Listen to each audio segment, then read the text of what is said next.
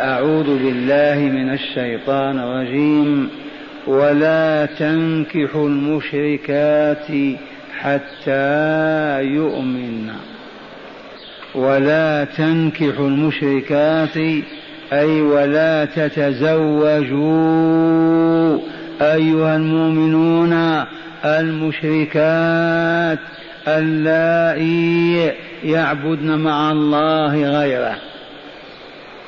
ولا تنكحوا المشركات حتى يؤمن إلى غاية أن يؤمن بالله ربا لا رب غيره وإلها لا إله سواه ويعبدنه بما شرع من العبادات. هذه الغاية. حتى يؤمن ثم قال تعالى ولأمة مؤمنة خير من مشركة. أما غير حرة. مؤمنة خير من حرة مشركة. أما مؤمنة بالله ولقائه مملوكة رقيقة.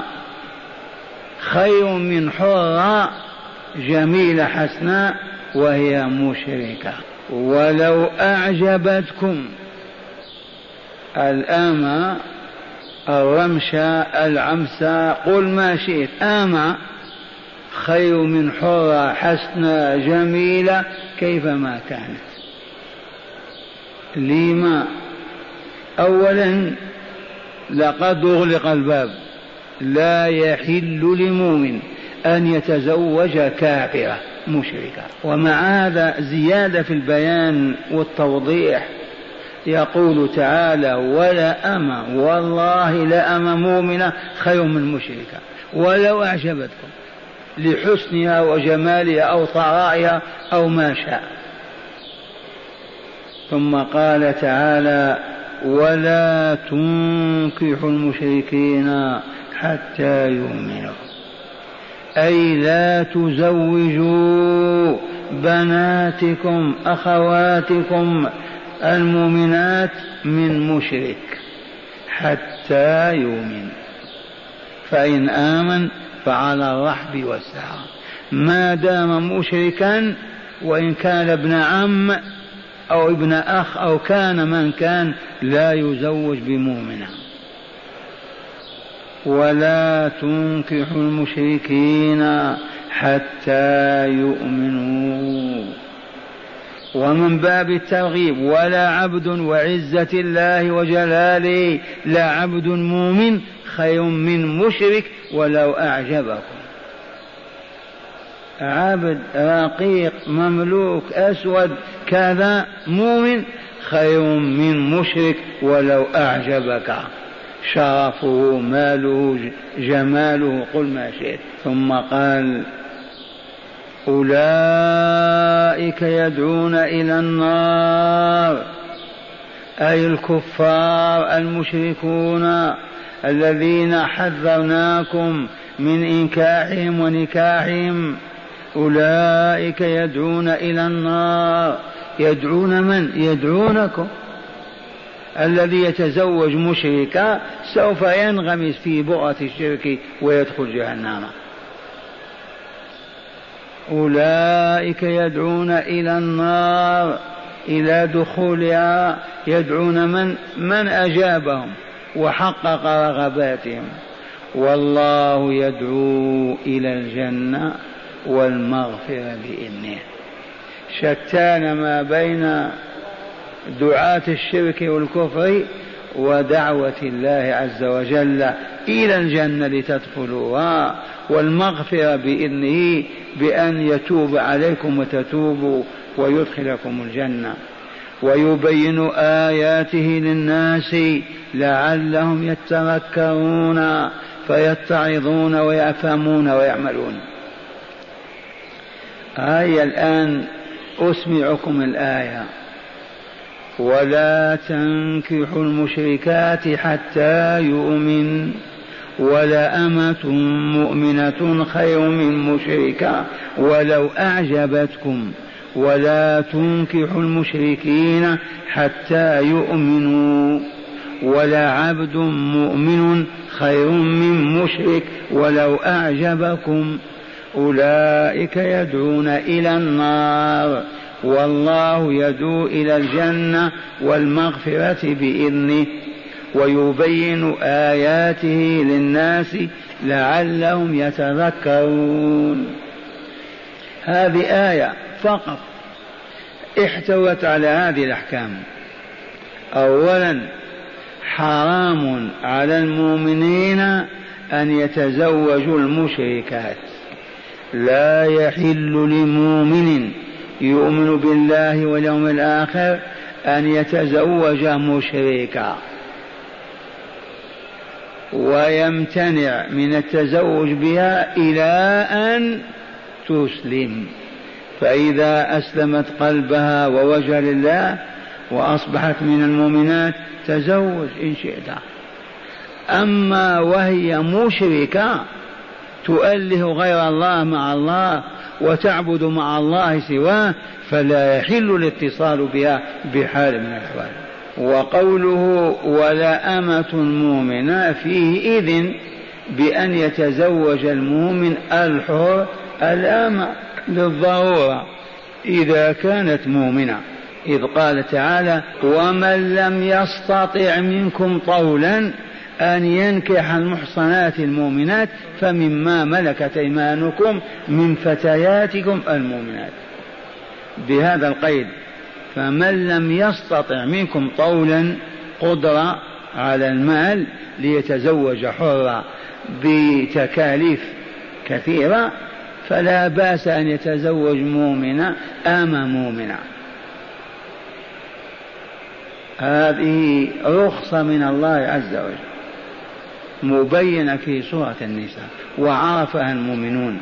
ولهذا قال هنا ولا أمة مؤمنة خير من مشركة ولو أعجبتكم. وهذا أيضا يدخل فيه امتلاك اقتناء شراء أمة مؤمنة خير من أمة مشركة. لا للنكاح بل للعمل والخدمة. عرفتم هذه؟ علموها إخوانكم.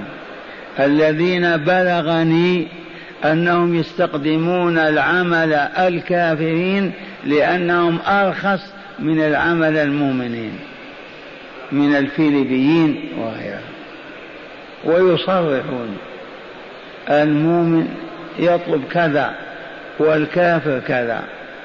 والله لو عرفوا هذا ما أقدموا على هذا. ما دمت مضطرا إلى عامل والمؤمنون متواجدون متوفرون كيف ترضى بأن تأتي بكافر ويعاشرك ويجالسك وتظل وتمسي معه. لو كان هناك بصيرة. من أين تأتي البصيرة؟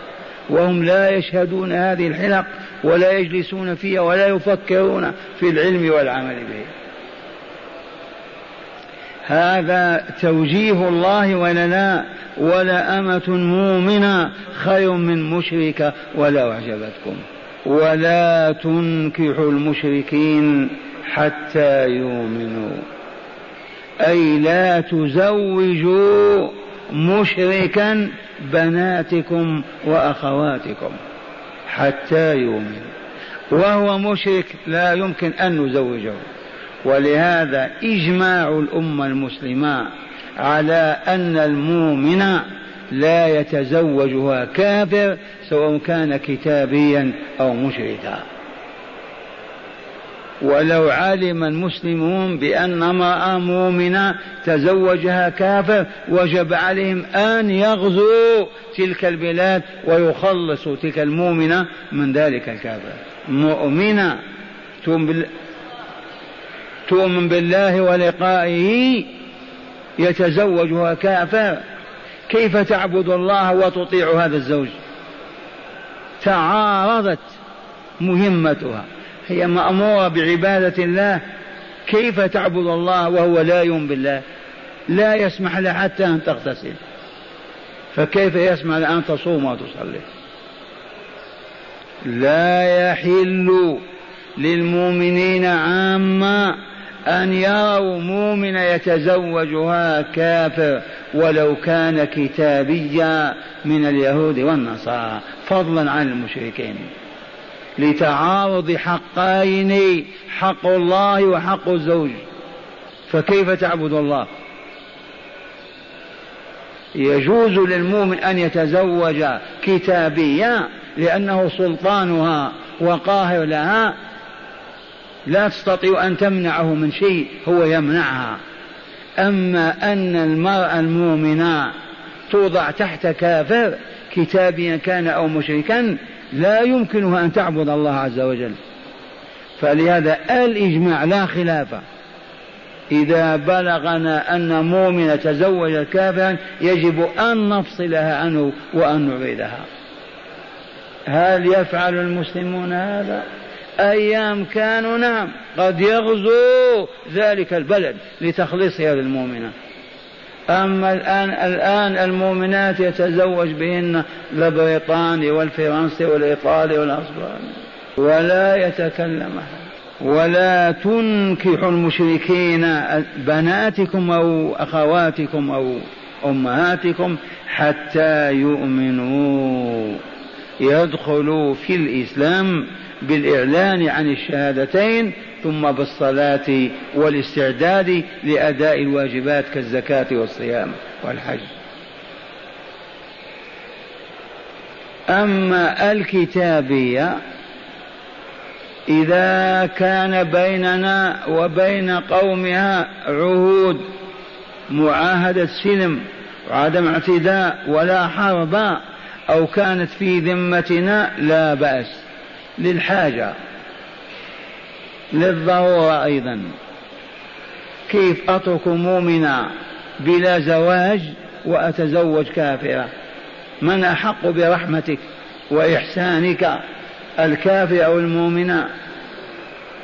ولكن إذا وجدت ذمية أو معاهدة دائمة لا حرب ولا إعلان عنها يتزوجها المؤمن بإذن الله تعالى. إذ قال عز وجل والمحصنات من الذين أوتوا الكتاب من قبلكم إذا آتيتموهن أجرهن الآية أي وأذن لكم في نكاح المحصنات من أهل الكتاب. والمحصنة ليست العاهرة الزانية المعروفة بالعهر لا يمكن أن يتزوجها. إلا أن تكون عفيفة محصنة إذا لا تقل لي ما أذن لنا في نكاح الكتابية ولم يأذن لنا في نكاح المشركة. للفرق الموجود بين المشركة وبين الكتابية. المشركة تعبد غير الله لا تعرف الله أبدا. والكتابية تؤمن بالله ولقائه والدار الآخرة وتؤمن بالكتب الإلهية والوحي. وإن كانت كافرة لأنها ما آمنت بالرسول الخاتم ولا بالكتاب الناسخ لغيره. إذا وأما الحربية إذا كان بيننا وبين النصارى بريطانيا أو إيطاليا أو فرنسا حرب ولا معاهدة فلا يحل نكاح الحربية وإن كانت كتابية. لأنها تخونك وتخون بلادك والدولة. وتنقل ما شاءت أن تنقل إلى دولتها. بل وتريد أن تقتلك أيضا لأنك عدو. الحرب معلى بيننا وبينهم. والنار مشتعلة. كيف ترضى وأنت تقتل في آبائها وإخوانها؟ مرة ثانية. الحربية الكتابية لا يحل نكاحها كالمشركة. فإن كانت من أهل الذمة تحت رايتنا أو بيننا وبين قومها عهود طويلة المدى لا حرب ولا قتال في هذه الحال يجوز فقط ما هو مستحب أو فاضل للحاجة.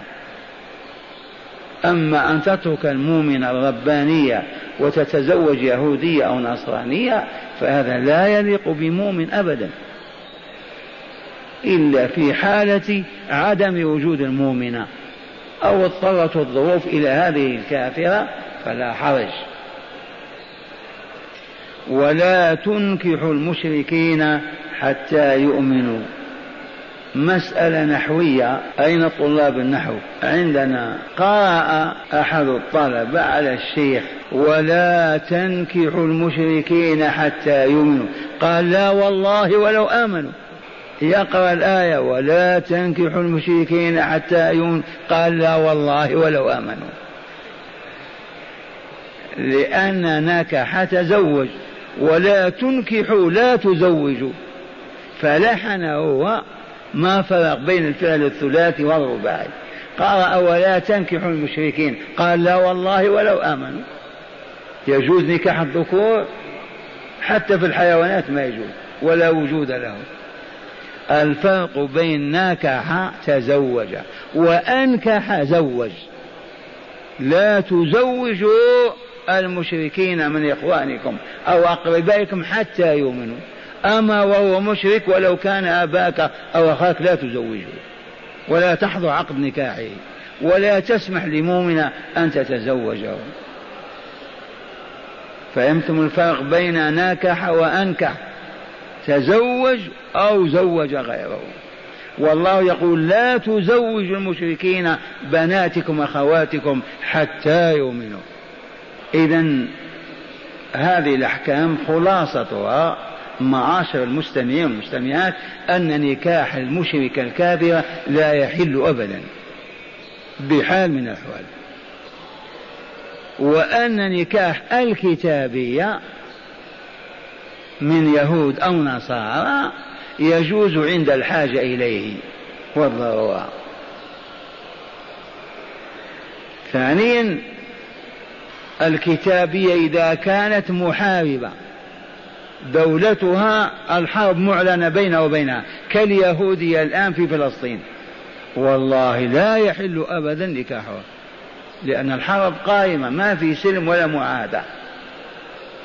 المحاربة لا يحل نكاحها وإن كانت كتابية فتلحق إذا بالمشركة في المنع. الكافر لا يحل أن نزوجه مؤمنا أبدا. الكافر كتابي أو مشرك مطلق.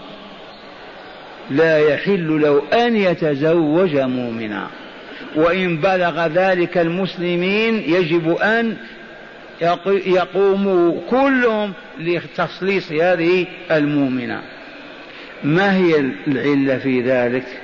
يقول هذا الحبيب العلة أنها إذا كانت تحت كافر وله السلطة عليها سلطة الزواج يمنعها أن تذكر الله وتعبده وتشكره وهي ما خلقت إلا للذكر والشكر والعبادة. فلما تعارض الحقان بطل حقه وثبت حقه. فلا يحل للمؤمن أن يزوج ابنته كافرا. كتابيا كان أو مشركا لا فرق بينهما. لأن للزوج سلطة على الزوجة شرعا وإلا لا تحته يأمرها وينهاها. فإذا قامت تصلي قال لا تصلي. حق الزوج أولا.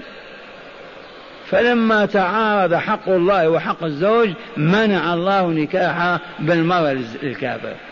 شرح الكلمات. ولا تنكحوا أي لا تزوجوا. الأمة خلاف الحرة. ولا تنكحوا أي لا تزوجوا.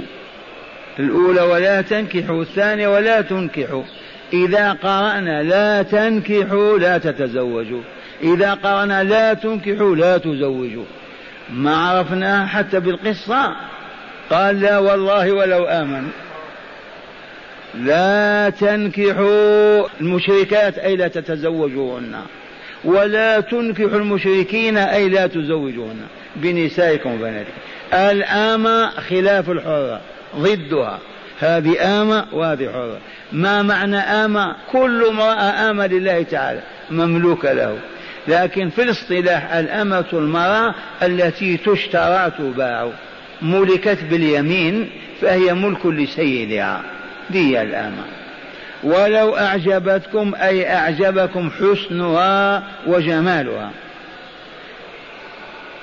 يدعون إلى النار بحالهم ومقالهم وأفعالهم. ما قال أولئك يدعون إلى النار بأقوالهم بأحوالهم بأفعالهم. كيف نتزوجهم أو نزوجهم؟ آياته أي أحكام دينه ومسائل شرعه. كذلك يبين الله لكم آيات. الآية. قال معنى الآية الكريمة ينهى الله تعالى المؤمنين ينهاهم أن يتزوجوا المشركات الكافرات اللائي يؤلهن غير الله مع الله إلا أن يؤمن بالله ورسوله. فإذا آمن بالله ورسوله فلا بأس. كأن الشيخ يشير إلى الجهل العام في ديار المسلمين.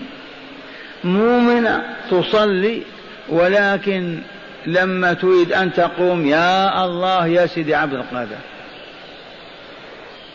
لما يسقط الإناء من يدها يا رجال البلاد. ما تقولون في هذه؟ إلى أي صنف تصنفوها نعم مشركة إما أن تتوب ولا نت... أو لا نتزوجها إن تابت من شركها وضلالها لا بأس مقبولة. استمرت على ذلك لا تحل أبدا مشركة إذا هذه الظاهرة موجودة. إذا خطبت زوجة في بلد ما اسأل عن دينها فإن وجدتها سلفية موحدة لا بأس. وإن قالوا هذه جاهلة وتنذر للأولياء وتزور القبور وتعكف عليها لا تتزوجها أبدا. وإن وجدت كذلك فحلا من عباد الأهواء يا سيدي عبد القادر ويا رسول الله ويا كذا لا تزوجه ابنتك. حرام عليك. ولا تنكح المشركين حتى يؤمنوا. وإنما من باب الدعوة أنت تخطبني في ابنتي بلغني أنك تؤمن بكذا وكذا وتقول كذا وكذا. حق هذا وإلا باطل؟ قال لا أبدا. أنا أقول لا إله إلا الله. كيف أدعو غير الله؟ كيف أنذر أو أذبح لغير الله؟ إذا هذا مؤمن زوجه. وإذا قالوا اسكتوا أنتم وهابيون وأنتم كذا والله ما زوجناه أبدا حتى يتوب إلى الله. أو تجهلون معنى الشرك؟ اسمع الرجل يذكر لا إله إلا الله لا إله إلا الله لا إله إلا الله لما تسقط المسبحه من يديه للنوم. يا سيدي فلان يفزع. إلى الله لا. لو قال يا ربي نعم يفزع إلى ولي من الأولياء. هذا موحد هذا والله مشرك. كونه ما عرف كالمشركين ما عرفوا. يجب عليه أن يتعلم ويسأل. ولكن كثيرين يعلمون هذا ويضحكون منك أنت. ويقول أنت لا تقول بالأولياء. وكل هذه الحقائق ستتجلى لنا يوم القيامة.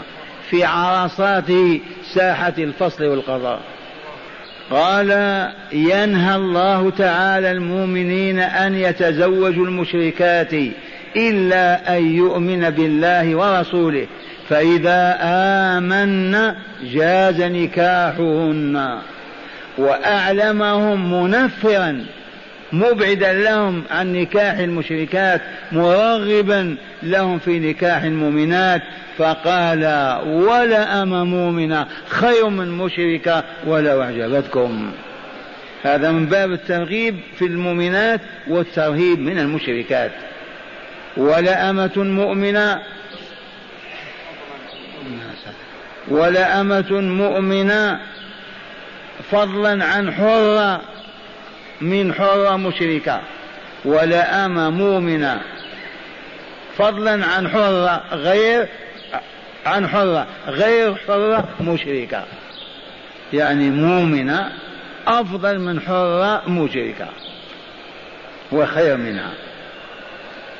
ولو أعجبتكم المشركة لحسنها وجمالها كما نهاهم محرما عليهم ماذا؟ أن, يتز... أن يزوجوا المؤمنات بالمشركين حتى يؤمنوا. فإن آمنوا جاز لهم أن ينكحوهم بناتهم ونساءهم. فقال تعالى ولا تنكحوا المشركين حتى يؤمنوا. وقال منفرا أيضا مرغبا ولا عبد مؤمن خير من حر مشرك ولو أعجبكم المشرك لشرفه أو ماله أو سلطانه. وعلل لذلك بقوله أولئك أي المشركات والمشركون يدعون إلى النار فمخالطتهم مضرة ومفسدة لا سيما بالتزوج منهم. المخالطة مطلقة بالكفار والمشركين فيها مفسدة وضرر. فكيف بالزواج؟ وتصبح تحتك أو يصبح المؤمن تحته. قال فخال فمخالطتهم مضرة ومفسدة لا سيما بالتزوج منهم. والله عز وجل يدعو إلى الجنة. بماذا بالإيمان والعمل الصالح وإلى المغفرة بماذا بالتوبة الصادقة النصوح. اذا فاستجيبوا. الله يدعو إلى الجنة. هيا آمن واعمل صالحا. زك نفسك وطهرها. ويدعو إلى مغفرة ذنوبنا بما بالتوبة إليه الصادقة والرجعة الكاملة حيث نتخلى عن أوزار الذنوب والآثام. أي فاستجيبوا له وأطيعوه فيما أمركم به ونهاكم عنه. ومن جملة ما نهانا عنه الآن أن نزوج بناتنا المشركين أو نتزوج المشركات. حرم هذا علينا. فلنطيع قال كما أنه تعالى يبين آياته للناس هذا التبيين لما؟ ليعدهم للتذكر والاتعاظ. فيذكرون ويتعظون فيقبلون على طاعته الموصل بالعبد إلى رضاه وإلى الجنة. اولا رضاه ثم الجنة. ويبعدون عن معصية الم... عن عن معصية عن معصية المؤدية إلى سخطه.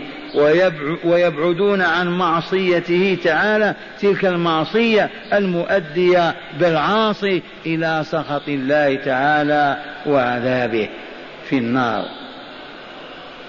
هذا معنى هذه الآية الكريمة اسمعوها ولا تنكحوا المشركات حتى يؤمنا.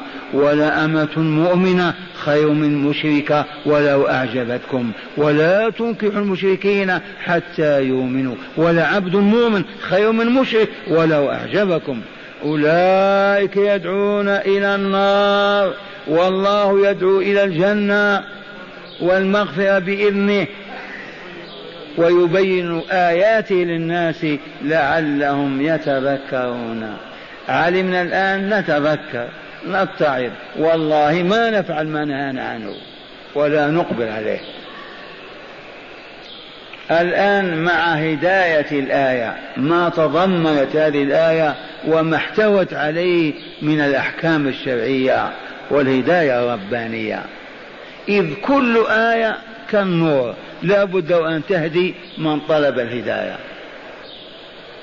كل آية تهدي إلى إلى النور. إي والله. عرفنا بيان ذلك وإلا لا؟ الآية إذا آمنت بها هذه الآية من أنزلها؟ على من نزلت؟ اذا اهتديت إلى لا إله إلا الله محمد رسول دخلت بالاسلام كل ومئتين وأربعين آية في كتاب الله. كل آية تهدي إلى الإيمان بالله ورسوله. قال هداية الآية الكريمة. من هداية الآية ما يلي؟ الأولى الهداية الأولى. حرمة نكاح المشركات. حرمة نكاح أي التزوج بالمشركات. أما الكتابيات من يهوديات أو نصرانيات فقد أباحهن الله تعالى بآية المائدة إذ قال تعالى والمحصنات من الذين أوتوا الكتاب من قبلكم. من هم الذين أوتوا الكتاب من قبلنا؟ اليهود والنصارى. وإن كان النصارى مشركين أما عبدوا مع الله سواه أما كذبوا وافتروا على الله ولكن الكتاب عندهم والإيمان بلقاء الله موجود. الإنجيل بأيديهم. قال إذا كانت تعتقد أن المسيح ابن الله الله علم هذا قبل أن تقول أنت. لقد كفر الذين قالوا إن الله هو المسيح ابن مريم وهو الذي أنزل هذه الرخصة. وقد بيناها غير ما مر. قلنا المشركون في مكة تعصبوا لانتصار وهزيمة فارس المشركة والمؤمنون تعصبوا للروم في حربهم مع المشركين. في تقارب كبير بين اليهود والنصارى والمسلمين وبعد كما بين السماء والأرض بين الشيوعيين ومن لا يؤمن بالله ولقائه. قال الهداية الأولى هي حرمة نكاح المشركات. أما الكتابيات فقد أباحهن الله تعالى بآية المائدة. أي سورة المائدة إذ قال تعالى والمحصنات من الذين أوتوا الكتاب من قبلكم في الإذن بنكاحهن. وقد قلنا ما قال أهل العلم تتزوج كتابية أولا لا تكون حربية والحرب دائرة. ثانيا أن تتزوجها للحاجة الماسة للضرورة. تباتم مضطر. يتزوجها. ثانيا حرمة نكاح المؤمن الكافر. مطلقا مشركا كان أو كتابيا. حرمة نكاح المرأة المؤمنة كافرا سواء كان مشركا أو بلشفيا شيوعيا لا يؤمن بالله أو كتابيا من يهود أو نصارى. مطلقة. وقد عرفنا أننا لو كنا كما كنا وبلغنا أن مؤمن تزوجها كافر نغزو تلك الديار حتى نخلصها. ولا نسمح أبدا بأن يعلو كافر على مؤمنة. ولكن لما هبطنا وانتهينا من علاء سمائنا الآن بنات المؤمنات في أمريكا وأوروبا متزوجات اليهود والنصارى. ما الطريق إلى أن نسمو ونعود ونسود؟ ننتج مصانع الذرة. نملك الهيدروجين. والله ما ينفع. ما هو إلا أن نعود إلى حيث بدأ رسول الله والمؤمنون. ما هذا؟ اسمع. أهل القرية من الليلة علموهم ألا يتخلف رجل ولا مرأة ولا ولد من الساعة السادسة إلى صلاة العشاء. الكل في بيوت الله. القرى المدن العالم الإسلامي كامل سجد وخر بين يدي الله. يطلبه أن يعزه ويسوده. كل ليلة يتعلمون الكتاب والحكمة. لم يبق جهل ولا فسق ولا ظلم ولا شر. ارتفعت الأمة إلى مستواها اللائق. 24 ساعة والعالم يموج. ما يعرف كيف يصنع مع هذه القوة العظيمة. فقط يعودون إلى المسجد. ما نستطيع. المسجد النبوي كم في حلقتنا هذه؟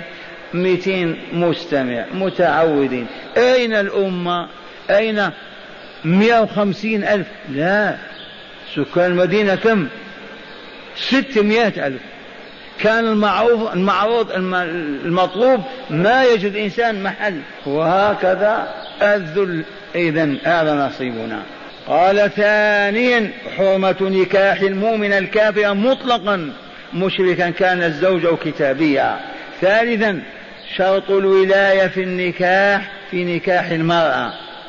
لا يصح نكاح بدون ولي. لهذه الآية أما قال تعالى ولا تنكحوا أي لا تزوجوا. من يزوج الولي وإلا لا؟ والرسول بين هذا فقال أيما امرأة تزوجت بغير ولي فنكاحها باطل باطل باطل. وإذا قلنا ما في حاجة الولي هو الدعارة والزنا. تخرج وتزوج من حبت وشاءت. لا بد من ولي ومن عدمت الولية فالسلطان ولي من لا ولي لها الآية دلت على هذا والحديث بينه. شرط الولاية في نكاح المرأة لقوله تعالى ولا تنكحوا المشركين أي لا تزوجوهم بناتكم. هذه الولاية وإلا لا فهو هنا يخاطب أولياء النساء المؤمنات ولذلك لا يصح نكاح بلا ولي. والولي الأب الابن الأخ ابن الأخ العم الأقرباء العصبة. فإن فقدوا وما هناك سلطان ولا محكمة فذو الرأي كما قال عمر من عشيرتها. الرجل التقي المؤمن البصير من القبيلة يزوجها. فإن وجد سلطان ومحكمة فلا السلطان ولي من لا ولي له. قال رابعا التنفير من مخالطة المشركين والترغيب في البعد عنهم لأنهم يدعون إلى الكفر بحالهم ومقالهم وأعراضهم وأعمالهم وبذلك هم يدعون إلى النار. البعد عن الكفار والمشركين أسلم حتى في الجيرة حتى في العمل حتى في البلاد تسلم منهم. لما؟ أما قال تعالى يدعون إلى النار وإلى لا؟ فلا خير من البعد عنهم. فكيف بأن يتزوج منهم أو يزوجهم؟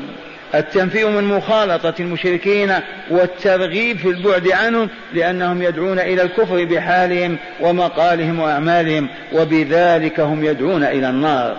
خامسا من هداية الآية وجوب موالاة أهل الإيمان ومعاداة أهل الكفر والضلال لأن الأولين يدعون إلى الجنة والآخرين يدعون إلى النار.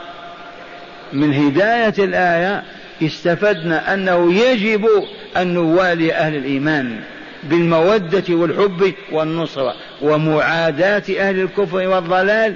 لما لأن الأولين يدعون إلى الجنة والآخرين يدعون إلى النار. اللهم قنا عذابك وارض عنك ما رضيت عن صالح عبادك. آمين.